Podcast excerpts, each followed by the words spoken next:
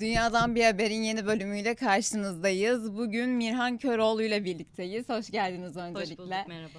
Kendisi Sabancı Üniversitesi Kurumsal Yönetim Forumu ıı, altında Türkiye CDP Türkiye programının yöneticisi olarak görev alıyor. Ee, yeniden hoş geldiniz demek istiyorum Hoş size. Evet şimdi çok yakın zamanda bir basın e, Bir etkinlik etkinliği evet bir basın etkinliği gerçekleştiririz. Ben de oradaydım. Sizin konuşmalarınıza da Harika. şahit oldum ve yeni bir rapor yayınladınız Evet. CDP olarak. Evet. Şimdi ben direkt size ilk önce CDP nedir, kimdir ve bu rapor neydi kısmına geçmeden önce ilk önce e, şeyden CDP'den bahsedelim isterim. Tabii.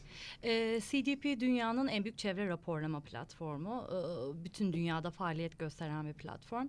Ee, biz de e, Sabancı Üniversitesi Kurumsal Yönetim Forumu altında 2010 yılından bu yana CDP'nin Türkiye ayağını yürütüyoruz. Ee, bu kapsamda esasında yaptığımız şey şu. e, CDP uluslararası kurumsal yatırımcıların ki bu şu anda e, sayımız herhalde 600-650 kadar oldu ve e, tedarik zincirlerindeki büyük satın alıcılar e, bu da 300 civarında adına e, şirketlerden e, çevresel verilerini açıklamalarını talep ediyor. Esasında CDP buna aracılık ediyor. Yani şirketlerin çevresel raporlama yapması için onlara bir ortam sağlıyor, e, yöntemini gösteriyor e, ve bunun takibini yaparak sonunda da e, şirketlerin durumunu e, dünyanın en güvenilir derecelendirme metodolojilerinden biri olan CDP metodolojisine göre de değerlendiriyor ve onlara bir derecelendirme notu atıyor. E, CDP'nin verileri e, bu bahsettiğimiz yatırımcılar ve e, tedarik zinciri programlarındaki büyük satın alıcıların e, bilgilerine sunulduğu gibi aynı zamanda e, sizin katıldığınız etkinlikteki gibi kamuoyuyla da paylaşılıyor. Politika yapıcılar tarafından kullanılıyor. E, sivil toplum tarafından da kullanılıyor. E, bütün dünyada şu anda e, 18.500 şirketin raporlama yaptığı bir ortam var. E, yatırımcı ayağını biz Türkiye'de yürütüyoruz ve Burada da şu andaki rakamlar oldukça yükseldi. E, etkinlikte de zaten bahsetmiştik. E, bizim ana yürüttüğümüz program CDP'nin iklim değişikliği programı.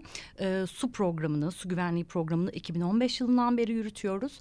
Aynı zamanda e, dünyada aktif olarak yürütülen ormansızlaşma programını da yavaş yavaş Türkiye'de uygulamaya başladık. E, iklim değişikliği programı kapsamında e, oldukça iyi bir gelişim e, görüyoruz. E, 2010 yılından bu yana ciddi bir yükseliş var. E, 81 şirket toplamda raporlama yaptı bu sene. E, geçen sene oranla yüzde 21'lik bir artışı temsil ediyor. E, su güvenliği programında da e, 52 şirket raporlama yaptı. E, bu da 5 yıl önce yani bizim başladığımız yıla kıyasladığımızda aslında e, yüzde 93'lük bir artış. Yani esasında çok ciddi e, anlamda raporlamada e, bir yükseliş görüyoruz şirketler anlamında. Şeyi sormak istiyorum. 18.500 şirket dediniz. Global olarak. Global aynen. olarak. Hı hı. Şimdi bu şirketler için hem zor hem de e, aslında çok e, kendilerini gelecek Tabii. hazırlamakta çok önemli bir süreç. Tabii, tabii. Ama şirketleri ikna etmek de bu noktada birazcık zordur Zor. diye tahmin ediyorum. Ama bu biz sizinle yayın öncesinde konuştuk ve bunun aslında bir gönüllülük esasına dayandığından da bahsettiniz Hı hı, siz. hı. O noktada nasıl bir iletişimi oluyor CDP ile şirketlerin? Şimdi gönüllülük dendiğinde evet bunun adı gönüllülük. Neden? Çünkü bu bir e, politika yapıcı tarafından e, ya da hükümet tarafından zorunlu olarak şirketlerden istenen bir veri değil. Ama e, tırnak içinde gönüllülük diyebiliriz. Az önce de bahsettiğim gibi siz bir şirket olarak eğer e, uluslararası bir yatırımcıdan bu anlamda direkt bir talep alıyorsanız, böyle bir davet alıyorsanız ya da sizin e, dünyadaki en büyük satın alıcılarınızdan biri mesela işte örnek verelim Walmart'lar, e, dünyadaki işte Mercedes, e, Apple bunun gibi şirketlerin e, Türkiye'de de tedarikçileri var. Bunların gelip şirketlerden sen CDP raporlaması yap dediğinde buna hayır demesi biraz zor. Haliyle biz o gücü zaten kullanıyoruz. O yüzden evet gönüllü ama bir yandan e, tam da gönüllü değil diyebiliriz.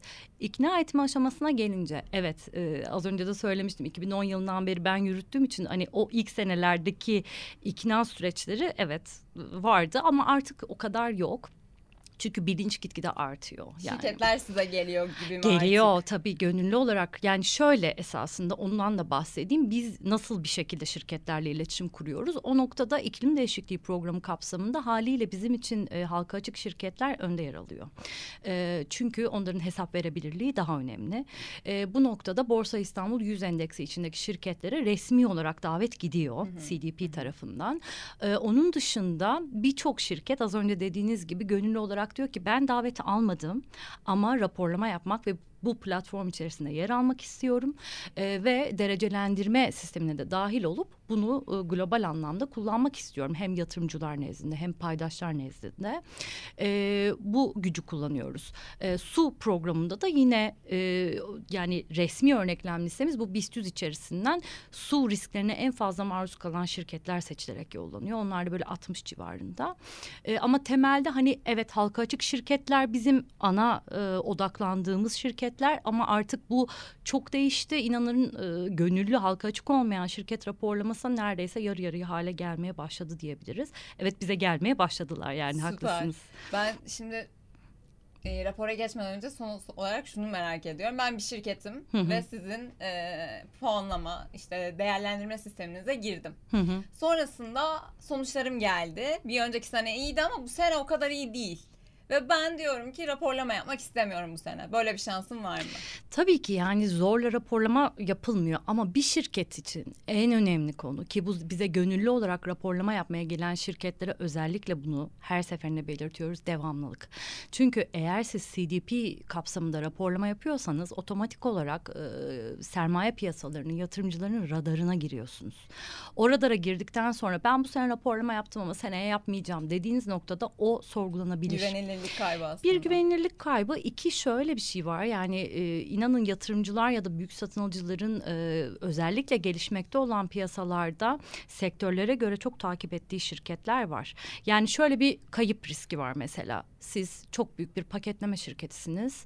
E, Türkiye'de görev yapıyorsunuz. CDP kapsamında size buyer'ınızdan bir talep geldi ve raporlamanız istendi.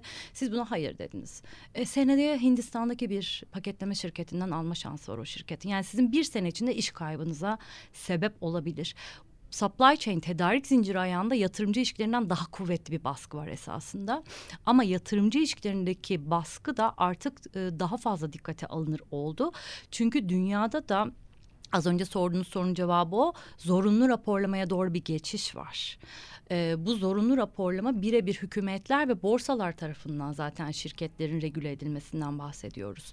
Ee, o noktada da zaten uluslararası bütün e, standartların e, yatırımcıların talepleri doğrultusunda hazırlandığını söyleyebiliriz. Yani burada yatırımcılar şunu söylüyor. Ben e, sürdürülebilir olmayan bir şirkete yatırım yapmak istemiyorum ve çok haklılar.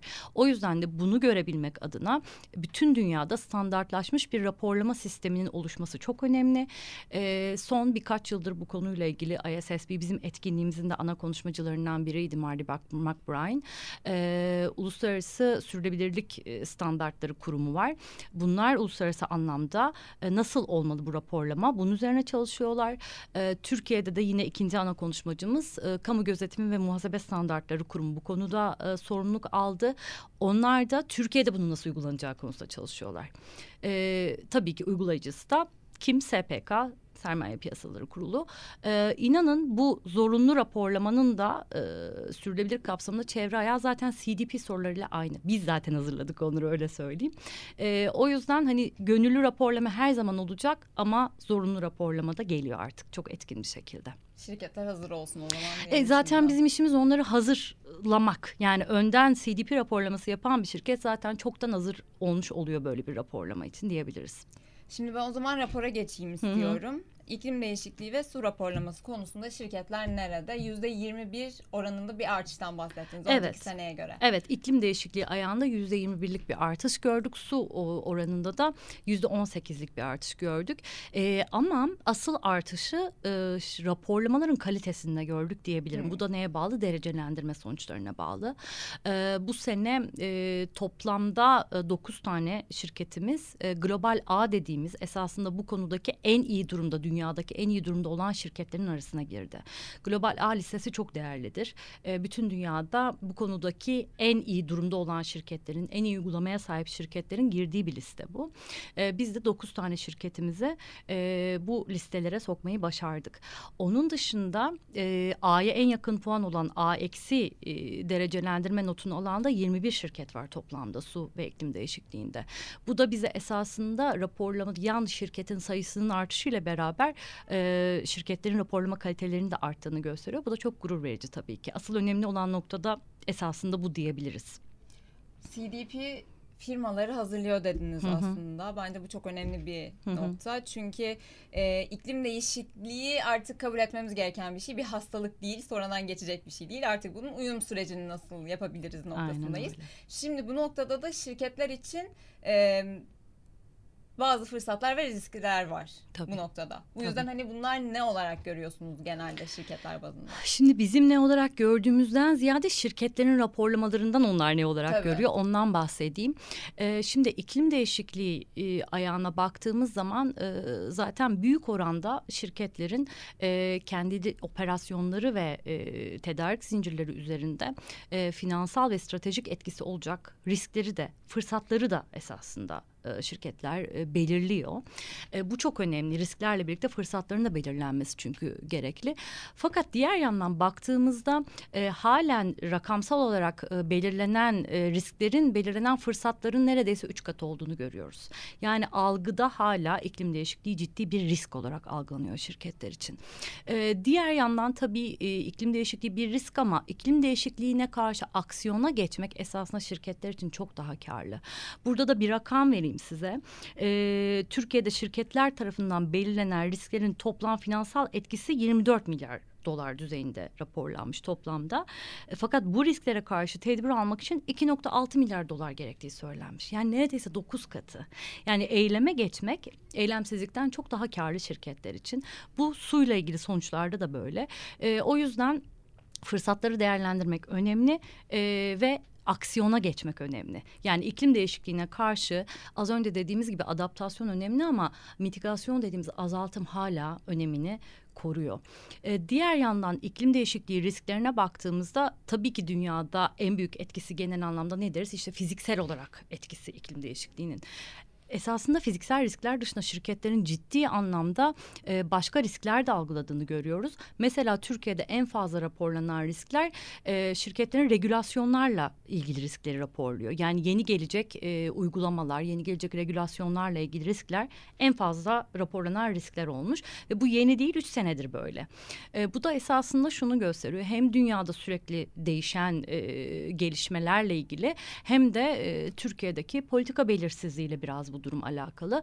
Tabii ki son yıllarda politika belirsizliği birazcık daha netleşmeye başladı. Biliyorsunuz artık bir 2053 net sıfır hedefi var. Türkiye'nin e, en son COP27'de e, Birleşmiş Milletler İklim Zirvesi'nde e, bir e, taahhüt açıkladı. E, burada tabii bir netleşmeye doğru gidiyor ama e, regülasyonları risk olarak algılanması gerçekten ilginç.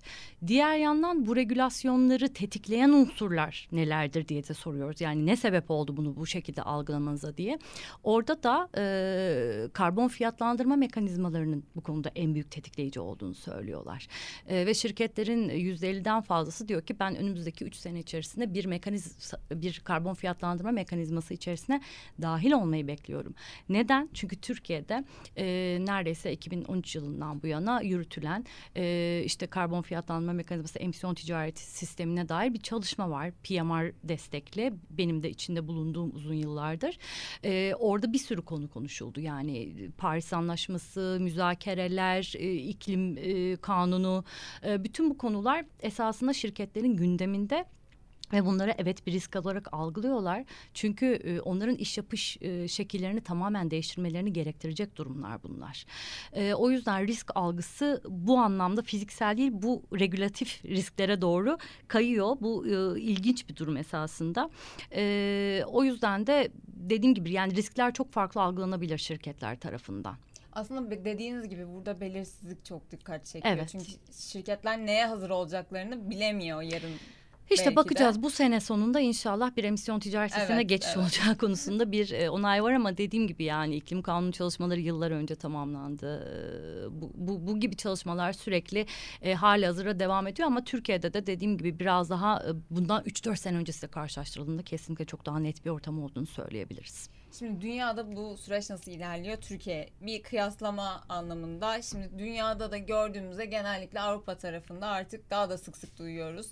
Örneğin işte elektrikli araçlara geçişin e, ne zaman olacağını, ne zaman benzinli araçların tamamıyla kullanılamayacağına ilişkinde bu en basit örneği. Pek Hı-hı. çok e, önemli haber akışına sahibiz.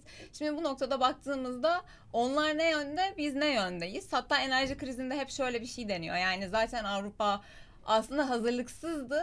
Rusya-Ukrayna savaşı bunu birazcık hızlandırdı diye. Çünkü çok birden e, yenilenebilir enerjiye geçmeye çalıştılar gibi yorumlar da var tabii ama şimdi dünya nerede biz neredeyiz?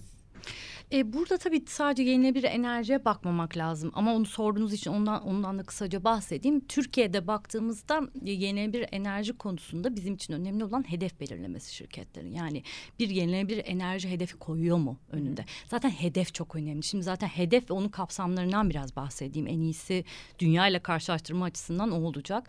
Yenilenebilir enerji anlamında iki yıl önceye kıyasla Türkiye'de e, yenilenebilir enerji üretim ve tüketim taahhüdü veren şirket oranında iki kat artış görüyoruz. Bu da bir iyiye yönelik e, gidiş olduğunu gösteriyor. Şirketlerin yüzde 41'inin bir hedefi var bu anlamda.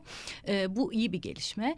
Diğer yandan e, şirketlerin kapsam 2 emisyonları dediğimiz biliyorsunuz işte kapsam 1, 2 ve 3 emisyonları e, raporlanıyor şirketler tarafından. Kapsam 2 tamamen elektrik e, tüketimiyle bağlantılı bir e, emisyon verisidir. Bu noktada da şirketler yenilenebilir enerji e, sertifikaları alarak e, kapsam 2 emisyonlarını sıfır olarak raporlama yoluna gidiyorlar.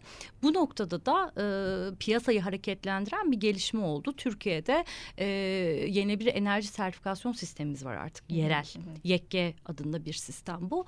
E, bunun da piyasaya girmesiyle beraber bu anlamda ciddi bir artış görüyoruz. 15-16 civarında şirket böyle bir e, sertifika alarak e, Scope 2 e, hedef 2 pardon e, 2 verilerini sıfır olarak raporladı. Ee, diğer yandan uluslararası sertifikasyon sistemleri de kullanılıyor. Yani evet bir iyiye gidiş var. Ee, mesela en çok kullanılan e, yeni bir enerji türü nedir diye baktığımızda burada rüzgarın ön planda olduğunu görüyoruz. Halen güneş yine birazcık daha arkalardan geliyor. Ama hedef konusundan bahsedersek dünyada zaten odak şu anda hedef. Nasıl hedef? Şimdi Türkiye'de e, şirketlerin mutlak azaltım hedefi koyan şirketlerin sayısı artıyor artar her sene ama artık bizim için önemli olan 2030 ve sonrasına dair yani çok daha azimli hedeflerin koyulması gerekiyor. Neden? Çünkü Paris Anlaşması'nın bize koyduğu hedefler daha ileriye dönük hedefler koyulması konusunda e, şirketleri zorluyor. Bu noktada da e, Türkiye'deki şirketlerin e, bu anlamda e, iki sene öncesine göre neredeyse dört katı arttığını görüyoruz bu tarz hedefler koy, koyma konusunda. Ama en en önemli konu bütün dünyadaki şu anda e, şu anda değil uzun süredir odakta olan konu bilim temelli hedefler konusu. Ee, bilim temelli hedefler konusu şöyle önemli. Her şirket bir hedef belirleyebilir. Ama bu hedefin Paris Anlaşması'nın bizlere koymuş olduğu bir buçuk derecede sıcaklıkları sabitleme taahhüdüne hizmet ediyor olması lazım. Aksi halde koyulan hedefin e, ne gibi bir amacı olduğunu, yeterli olup olmadığını az önce bahsettiğiniz gibi bir e, yeşil badanaya sebep olması ihtimali bile var. O yüzden bizim için önemli olan koyulan hedeflerin Paris Anlaşması'nın koyduğu iklim bilimi e, ile uyumlu olması gerekiyor. O noktada da e, bilim temelli hedefler girişim adına bir girişim var. Bu girişim de e, yine işte CDP, WWF, Global Compact gibi kurumların bir araya gelerek oluşturduğu bir girişim. Ve bunlar ne yapıyorlar? E, koyulan hedeflerin bilim temelli olup olmadığını e, kontrol ediyorlar, onaylıyorlar ve bu süreç içerisinde de e, iklim bilimine uygun bir e, yol haritası çiziyorlar şirketler için. E, dünyada bütün e, şu an odak orada ve sürekli değişen e, burada kılavuzlar var sürekli e, daha e, azimli hale geliyor bu hedefler. Mesela neydi Paris Anlaşması ilk başta iki derece ve iki derecenin altına ya da bir buçuk derece gibi bir hedef koyuyordu. Artık iki dereceler bitti. Çünkü evet. iki derece bizi felakete sürüklüyor. Hali hazırda şu an Paris Anlaşması'nın e, koyduğu, hükümetlerin koyduğu taahhütleri uygulasak bile e, yüzyılın sonunda 4-6 dereceleri Mümkün göreceğiz. gözükmüyor şu an. E, zaten görünüyor zaten. daha da korkunç evet. bir yere gidecek. Türkiye'deki şirketler bu anlamda nerede dersek Türkiye'den 2022 yıl içerisinde raporlama yapan şirketlerden 29 tanesi demiş ki benim bilim temelli bir hedefim var. Fakat bunlardan sadece sekiz tanesi bilim temelli hedefler girişimi tarafından onaylanmış hedefler. Hmm. Ee, bu durum dediğim gibi bu sene tabii ki artmış olabilir. Ee, en son baktığımda bilim temelli hedefler girişiminin sayfasında 50 civarında şirketin olduğunu gördüm ama hangileri onaylandı belli değil. Çünkü iki senelik bir taahhüt süreci geçirir şirketler bu noktada. Ee, diğer yandan tabii ki bir 2050 hedefimiz var dünyada biliyorsunuz. Net sıfıra ulaşma hedefi. Ee, bu noktada da e, Türkiye'deki şirketlere yine sor sorduk. Burada da 32 şirket demiş ki benim bir net sıfır hedefim var. Ama bunların e, hiçbiri henüz bilim temelli hedefler girişim tarafından onaylanmamış. Tabii diğerine göre yani yakın vadeli ve uzun vadeli hedeflere uyum her zaman çok kolay olmuyor. Ama yine de 32 e, iyi bir rakam, kötü bir rakam değil. E, Diğer yandan az önce de bahsettik e, azim seviyesi önemli. E, bir buçuk dereceye uyumlu mu bu koyulan hedefler diye sorduğumuzda 29 şirketin 22 tanesinin evet bir buçuk derece uyumlu olduğunu söylediğini görüyoruz. Bu da e, iyi bir rakam esasında dünya örnekleriyle karşılaştırdığımızda. Biz bir önceki bölümde Profesör Doktor Levent Kurnaz'la kendisiyle evet, evet. E, su tüketimini de konuşmuştuk. Evet. Şimdi zaten sizin de raporunuzda çok önemli bir yeri evet. olan su yönetimine geçeceğiz aslında. E, aslında büyük şehirlerde su tüketiminin ağırlıklı hane halklarının tükettiğini daha çok biliyoruz. Hatta şirketlerin de bu karbon ayak izi ölçümleme noktasında bazı adımlar attığını, bazı projeler yürüttüğünü biliyoruz. Hı hı. Şimdi orada bize rakamlar ne diyor? Rakamlar çok güzel şeyler söylemiyor. Ee, şöyle baktığınız zaman bilinç arttı mı? Evet arttı. Az önce de söyledim. Yani beş sene önceye kıyasla yüzde doksan üçlük bir artış var raporlamada. Ee, zaten iklim değişikliği raporlaması yapan şirketler öncelikli olarak su güvenliği raporlaması yapıyor. Çünkü ikisini birbirinden ayırmak mümkün değil. Ama ikisinin en büyük farkı ne? Ee, iklim değişikliğini global olarak raporluyoruz. Daha global bir konu ama su konusu çok lokal bir konu, çok yerel bir konu. İşte o noktada Türkiye'deki e, durumun çok da iç açıcı olmadığını maalesef görüyoruz. Ee, bizim mesela mevcut durum nedir diye sorduğumuz şirketlerde yüzde yetmiş civarında şirket diyor ki ben e, su çekimimi üçüncü tarafların alanlarından yapıyorum. Yani üçüncü taraflarda havzadaki başka taraflar alanlardan yapıyorum ve maalesef su tahliyesini de üçüncü tarafların alanlarına yapıyorum diyor. Yani şirketler kendi operasyonlarının dışındaki su kaynakları üzerinde bile etkililer. Diğer yandan e, maalesef e, Türkiye'de bazı şirketlerin dolaylı yolla su kirliliğine dahi sebep olduğunu söyleyebiliriz. Bunu nasıl söylüyoruz? E, şirketlerin yüzde 59'u demiş ki ben çektiğim suyu e, ciddi bir arıtmadan geçirmeden yine üçüncü tarafların alanlarına bırakıyorum. Hatta yüzde on ikisi diyor ki ben doğrudan doğaya bırakıyorum hiçbir arıtma yapmadan. Şimdi bunlar gerçekten ciddi rakamlar. Ee, o nedenle de e, şunu bize gösteriyor. Türkiye'de şirketlerin e, bu konuda ciddi yatırım yapması, teknoloji geliştirmesi e, ve çevre ve doğayı tahrip etmeden bu tarz çalışmayı yapmasının önceliklendirilmesi gerekiyor. Bence şu andaki şirketler açısından ilk gündeme alınması gereken konu bu. Yani su tahliyesinin düzgün bir şekilde yapılıyor olması ve düzgün arıtma sistemlerinin kullanılması kullanılması. Diğer yandan şöyle bir resim de görüyoruz. Ee, Türkiye'de şirketler artık böyle su stresinin gerçekten yoğun olduğu alanlardan su çekmek zorunda kalıyorlar. Yani kuraklık e, seviyesinin yüksek olduğu, e, suyun e, kıt olduğu bölgelerden su çekerek operasyonlarını yürütmeye çalışıyorlar. Bu durumu beş sene önceyle kıyasladım. Oradaki rakamlara baktım. Yüzde 87'lik bir artış var. Bu esasında Türkiye'de e, lokal olarak suyun ne kadar tükenmeye başladığını e, ve suya olan ihtiyacın arttığını aslında havzaları, bölgeleri ne kadar zorladığını da bize gösteriyor. E, risk olarak ne algılıyorlar diye bakınca da zaten görüyoruz ki e, doğrudan operasyonlarda e, risk olarak sel mesela e, daha çok su taşkınları e, şirketler tarafından raporlanmış. Fakat havzaya gittiğinizde yani daha çok tedarik zinciri kapsamında neyi risk olarak algılıyorsunuz musunuz diye sorunca kuraklık karşımıza çıkıyor. Yani asa suyun ne kadar lokal olduğunu da bize gösteriyor. Bir yanda sel, bir yanda kuraklık. E, o yüzden de hani e, şirketin herhangi bir su risk değerlendirmesi yaparken e, gerçekten doğrudan operasyonlar ve tedarik zincirlerinin tamamını iş içine katması lazım. Bu oranda Türkiye'de yüzde otuz üç civarında raporlama yapan şirketler içerisinde e, halen düşük e, diyebiliriz. E, diğer yandan az önce de bahsettik hedefler tabii ki çok önemli. Su raporlaması yapan şirketler demiş ki işte yüzde elli civarında ben e, hedeflerimi gerçekleştirdim bu sene içerisinde. Ama oradaki en büyük eksik esasında şu havza bazında bir hedef belirlemiyor şirketler. Yani şunu demiyor bu havzada bu bölgede benim e, operasyonlarımı yürüttüğüm bölgede e, ne gibi riskler var ne gibi zorluklar var bunu değerlendiren şirket oranı sadece yüzde on iki. Aslında burada bir devlet müdahalesi sanki yani Ee, şirketlerin var inisiyatifine zaten. bırakılmaması da biraz Var önemli. ama uygulaması işte çok kolay olmuyor. Ee, su kanunu vesaire bunlar çok tartışmalı zaten konular ama su konusunda e, diğer yandan hani artan bir bilinç görüyoruz. Şirketler gerçekten ciddi çaba gösteriyorlar. Bu konuyla ilgili mesela senaryo analizleri kullanıyorlar. Bu çok önemli. Yani hangi durumlarda e, su kıtlığı durumunda ya da herhangi bir felaket durumunda ben şirket olarak nasıl ayakta kalacağım? Bu senaryo analizlerini yapan şirketlerin oranı oldukça yüksek. E, ya da e, suyla ilgili bir e, fiyatlandırma, iç fiyatlandırma kullanıyor şirketler. Neden? Suyun gerçek değerini ölçebilmek adına. Fakat bütün bu e, bilinç artırımına rağmen birazcık da e, Türkiye'deki suyun durumu nedeniyle e, şirketlerin faaliyetleri e, gerçekten e, zarar verici boyutlara gelebilir. E, o yüzden bu seneki raporda bu, bu kısmı e, çok vurguluyoruz açıkçası. E, durum çok iç açıcı değil o yüzden söyledim başta.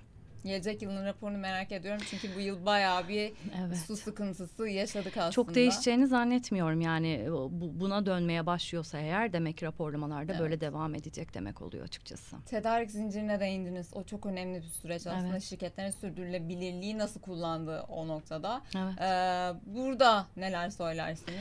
Tedarik zinciri ayağında Türkiye'de çok e, yani iletişim anlamında çok kötü durumda değil. E, ama ben e, bir şirket olarak bütün tedarik zinciri ağımın yüzde ellisinden fazlasıyla iletişim halindeyim.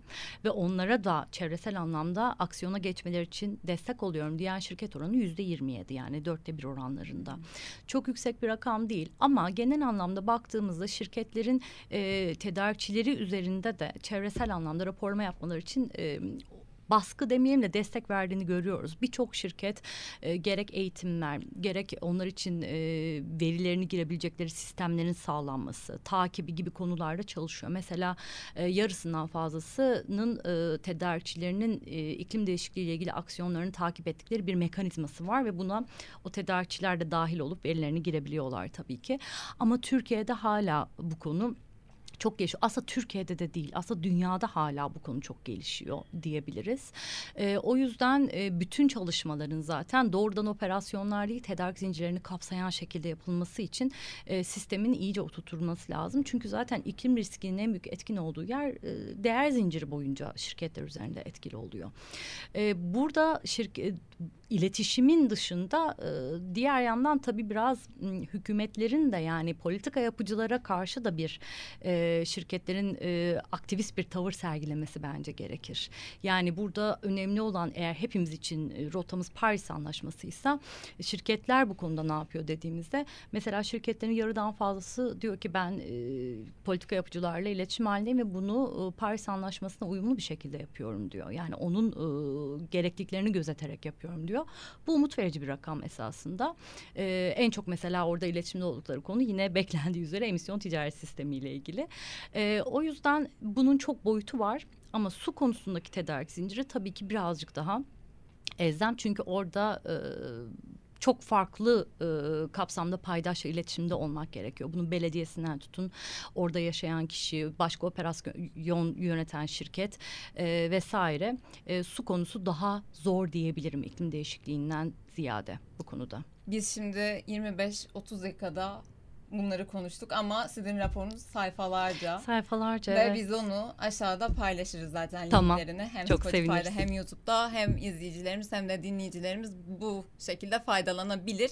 Ee, bir sonraki raporunuz ormansızlaşmayla mı alakalı olacak? O konuda çalışmalarınız devam ediyor Şöyle çünkü. bütün raporlarımızda aslında bunu e, bütün programlar için içine katıyoruz. Yani CDP'nin üç temel programı zaten iklim değişikliği, su yönetimi, ormansızlaşma konusu. Ormansızlaşma konusu Türkiye'de yeni yeni esas aslında şirketler tarafından sahiplenilmeye başlıyor çünkü zor bir konu. Yani ormansızlaşmaya sebep olan ürünler üzerinden raporlama yapmaya çalışıyor şirketler. Mesela bir örnek e, palm yağı. Yani ne kadar tartışmalı bir konu. Özellikle gıda şirketlerinin bu anlamda e, raporlama yapmasını bekliyoruz, destekliyoruz. Bu sene e, ciddi anlamda e, iyi raporlama yapan mesela Carrefour'sa ve Mavi Giyim e, B derecelendirme puanı aldılar raporlama yapıp bu iyi bir gösterge. E, önümüzdeki dönemde bu rakamın da artacağını düşünüyoruz. Çünkü e, CDP artık iklim değişikliği kapsamında biyoçeşitlilik konusuna da odaklanıyor geçtiğimiz yıldan bu yana. Biyoçeşitlilik dediğimiz noktada ormansızlaşma konusu tabii daha çok e, şirketlerin radarına girecek diye düşünüyoruz açıkçası. Mine Hanım çok teşekkür ben ederim teşekkür ederim. için. Dünyadan bir haberin bir bölümünün daha sonuna geldik. Gelecek bölümlerde görüşünceye dek hoşçakalın.